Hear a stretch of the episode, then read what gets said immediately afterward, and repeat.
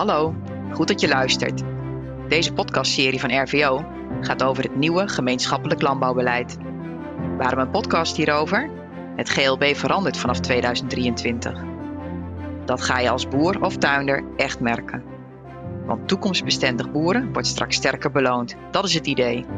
Ik ben Christel van Rij, host van deze podcastserie. Om meer te leren over het nieuwe GLB praat ik met beleidsmakers en met agrariërs over hoe je dit beleid kan inpassen in je bedrijf. Dit is de vijfde GLB-podcast. Dit keer met Willem Vonken van het Nederlands Agrarisch Jongerencontact. Met hem praat ik over de invloed van het nieuwe GLB op hun achterban. Willem is akkerbouwer in Zuid-Limburg. En als NEK-portefeuillehouder internationaal zet hij zich onder meer in voor ondersteuning van de jonge boeren via het nieuwe GLB. Willem, in de aanloop naar het nieuwe GLB denken veel partijen mee over hoe het GLB eruit zou moeten zien. Dat geldt ook voor het NEK. Waar focust de NEK op?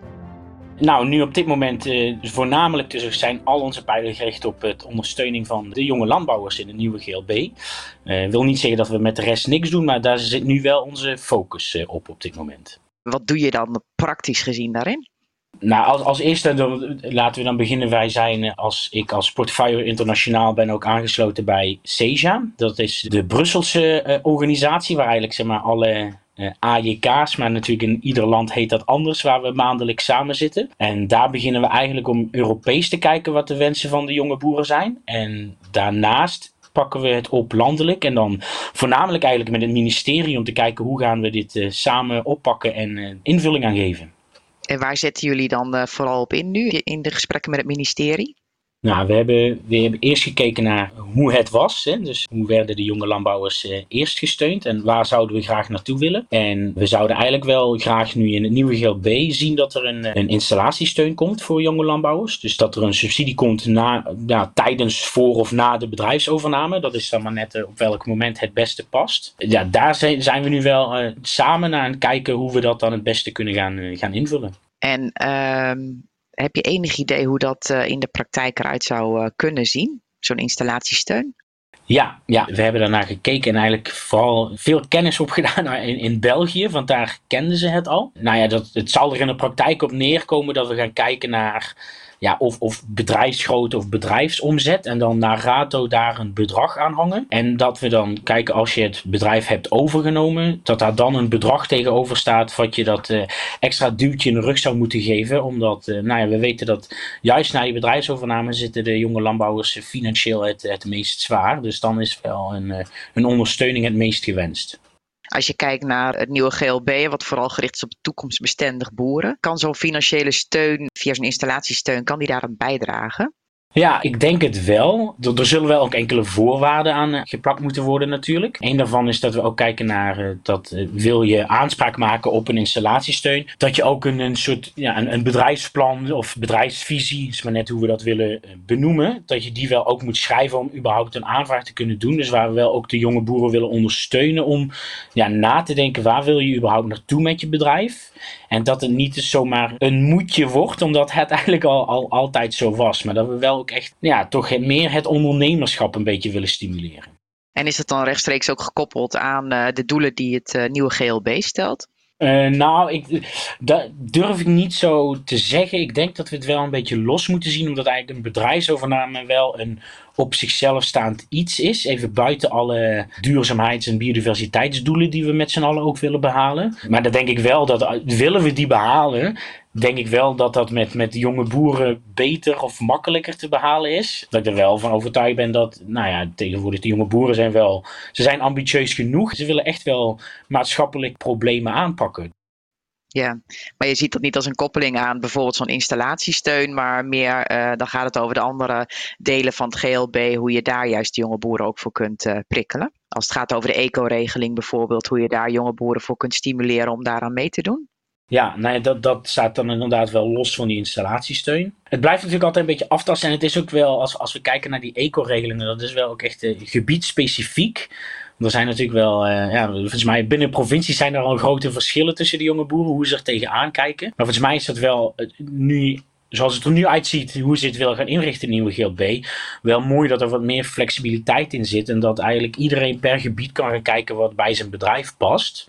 Maar waarvan ik wel denk dat de, de, de gemiddelde jonge boer hier wel zeker aan mee wil gaan doen. Ja. We hebben een voorgesprek gehad voordat we de podcast eh, gingen opnemen. Toen heb je ook aangegeven van, ik denk dat het heel erg belangrijk is hoe we met z'n allen naar het GLB kijken. Dat de manier waarop je er naar kijkt, welke doelen er zijn, heel erg bepaalt of mensen hier aan mee gaan doen, ja of nee.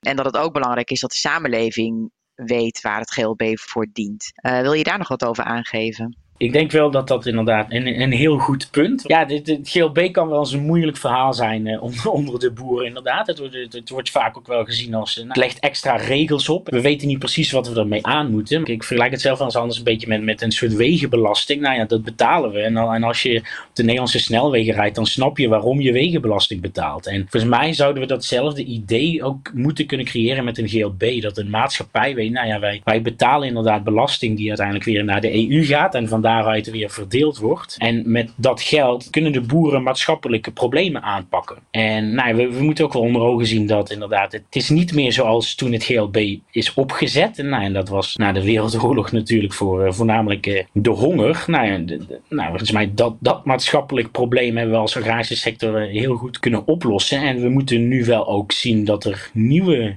maatschappelijke doelen zijn waarbij een maatschappij ziet dat wij daar juist een grote rol in kunnen spelen. Maar waarbij ook zeker uh, wij als boeren moeten inzien, nou, de, de, maatschappij wil hiervoor betalen, maar dan moeten wij er ook iets voor doen. Dus ja, dat, er moet iets beter verkocht worden, denk ik wel. Naar, naar beide partijen toe. Dus zowel naar, naar boer en burger, ja. En dan gaat het uh, voor de boeren, als ik het goed begrijp, geld vanuit GLB. Dat komt niet als een uh, automatisch iets, daar heb je recht op. Maar er wordt iets van je gevraagd. Vroeger was dat vooral voedselproductie. Nu worden er ook andere diensten gevraagd. En juist voor die diensten kun je, als je dat wil doen, kun je daarvoor betaald worden. En het is je eigen keus of dat past in je bedrijf of je dat als ondernemer wilt. Ja, ja, dat denk ik wel. Zeker in de nieuwe GLB. Dat het wel mooi is inderdaad dat er nu die keuze is. Of ze dan meer ambitieus zijn, weet ik niet. Misschien dan op het vlak van het GLB inderdaad. Maar dat je wel de keuzevrijheid hebt om, wil je er meer uithalen, dat er ook meer uit te halen valt. En kom je er eigenlijk achter dat het niet zo goed op jouw bedrijf past. Nou, dan moet dat ook oké zijn. Maar goed, daarnaast moeten we natuurlijk niet vergeten dat er, blijft wel een groot stuk uit het GLB. Blijft gewoon nodig op veel landbouwbedrijven. Eh, aangezien het verdienmodel nog steeds niet is wat het zou moeten zijn. En dat wel het, de GLB-gelden nog steeds op veel bedrijven zorgen voor net dat stukje winst te maken. Dus het, is wel degelijk iets wat wel nog steeds nodig is op veel bedrijven. En praat jij wel met jongeren zeg maar, uit jullie achterban over het GLB? Krijg je daar vragen over? Of hoe, hoe gaat het eigenlijk? We zijn sowieso binnen NAIK. We hebben dus het landelijk bestuur en daaronder zijn we verdeeld in tien provincies, waar ook weer een provinciaal bestuur zit en daaronder zitten weer afdelingen. Dus vanuit die lagen leggen wij vragen terug uh, in onze achterban. En daarnaast hebben we ook nog gewoon een, een klankbordgroep, GLB, waar eigenlijk of dat zijn vaak of leden of bestuursleden, dat hangt er maar net vanaf. Uit eigenlijk ook het hele land. Waarbij wij als bestuur vragen kunnen neerleggen om echt te klankborden met nou, wat leeft er en wat zijn de wensen en hoe denkt men hierover. Dus echt een beetje ter ondersteuning van ons als bestuurders. Om wel met een, uh, ja, met, met, met een gedragen iets uit de achterban uh, naar een ministerie toe te kunnen stappen. Maar leeft het GLB dan ook echt of is dat vooral in dit soort klankbordgroepen? Het is inderdaad voornamelijk echt in de klankbordgroepen. Het is, uh, Nee, het leeft op die manier niet zo. Het, is, eh, het blijft inderdaad wel een beetje een, een vaag gebied voor veel jonge boeren. Uh, wat je wel merkt is dat het pas echt rond die bedrijfsovername dan, dan begint men zich er steeds meer in te interesseren en ook in te verdiepen. Dus het is ook wel nou, een beetje afhankelijk van, van je leeftijd en, en de fase waar je in zit binnen het bedrijf. Maar nee, je zou wel kunnen stellen dat er nog niet voldoende animo voor is, of in ieder geval interesse. Kun je aangeven waarom je denkt dat die interesse juist wel belangrijk is? Ja, ik denk het wel. Want op zich, het gaat toch wel om aanzienlijke bedragen. En, en op zich is het wel, de, aan het GLB hangt zoveel meer vast natuurlijk dan dat wij nu, nu denken. Ja, het komt uit Europa, waarvan we weten, nou ja, daar, daar worden ook grotendeels alle regels eigenlijk gemaakt die wij ook in Nederland moeten hanteren. Dus het is niet zo dat, ja, dat, het, dat het alleen maar draait om een Nederlandse overheid, maar dat er een veel groter iets aan vasthangt, wat volgens mij vaak een beetje, ja, waar niet iedereen weet van heeft. En op zich is dat wel, denk ik, belangrijk om te weten, nou, wat is echt die achtergrond en waar, waar gaat dit nu over? Want het, is, het geldt niet alleen voor Nederland, maar eigenlijk alle jonge boeren in Europa hebben hiermee te maken. En dat is wel een punt, denk ik, daar ga je snappen wat een kracht van Europa zou kunnen zijn en, en hoe die markt allemaal werkt en wat ieders uitdagingen zijn. Het is niet alleen Nederland. Ja, ik kan me ook voorstellen, en merk ik ook wel in gesprekken soms met jonge boeren, dat op het moment zeker dat je rondom zo'n overname zit, dan is de, de druk, zeg maar, om na te denken over wat doen we met die overname. Je hebt natuurlijk met familie te maken, dus financieel is het gewoon uh, best ingrijpend. En er zijn al heel veel dingen die op je afkomen. En dan kan ik me voorstellen dat extra dingen, dat het GLB, om je daarin te verdiepen als een extra ding gezien wordt, waar op dat moment gewoon geen ruimte voor is. Is dat iets wat je herkent? Nou nee, ik denk eigenlijk wel zeker dat dat zo is. Uh, maar goed, dat, dat is ook weer iets dat verschilt per persoon en per bedrijf. Waar, waar je op dat moment je prioriteit wil leggen. Want nou ja, wat we nu ook zien in het oude GLB, en dan voornamelijk de pijler 2, de, de hele plattelandsontwikkeling. Nou, er zijn bedrijven die, die hebben daar volop ingezet. Maar er zijn ook bedrijven, ja, daar past dat gewoon niet. Dus dan heb je automatisch al minder interesse in het hele GLB gebeuren. En nou, dan kom je ook wel op het puntje uit, waar wil je naartoe met je bedrijf? Ja, en dan kom je ook weer terug bij dat inderdaad die uh, installatiesteun, uh, als je daar een soort bedrijfsplan voor gaat vragen, dat, dat daar toch wel meer concreet over nagedacht wordt. Ja, ja. Wat je in het begin aangaf. Ja, als je kijkt naar het nieuwe GLB, dan is in die tweede pijler ook nadrukkelijk aandacht voor de overdracht van kennis. Heb je enig idee hoe jullie achterban omgaat met kennisontwikkeling, netwerken, uh, gebruik maken van coaches bijvoorbeeld om een bedrijfsplan te maken of om jezelf als ondernemer verder te ontwikkelen? Hoe ziet dat eruit voor jongeren? Er is gewoon ontzettend veel behoefte aan kennis vanuit uh, bij, bij de, de, de jonge boeren. Dus die, die vraag die leeft er zeker. En, en dat is ook wel iets waar we, ja, waar we als NAJK ook vaak een beetje op zoek zijn naar hoe ga je dat invullen. Want het, het blijft een belangrijk iets. En we merken die, die behoefte is heel hoog.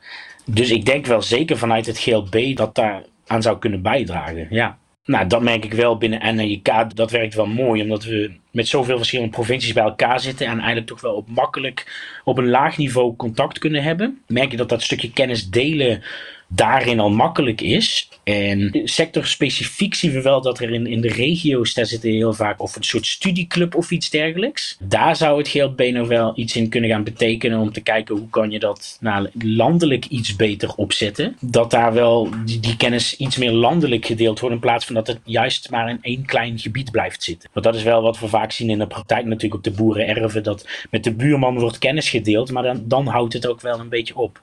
En als je het hebt over studiegroepen bijvoorbeeld, of nou ja, in welk verband dan ook, hè, maar meer lokale overleggen of bijeenkomsten, bedoel je daarmee ook dat die gebruikt zouden kunnen worden om landelijk breder te delen? Dus maak ook gebruik van wat er is?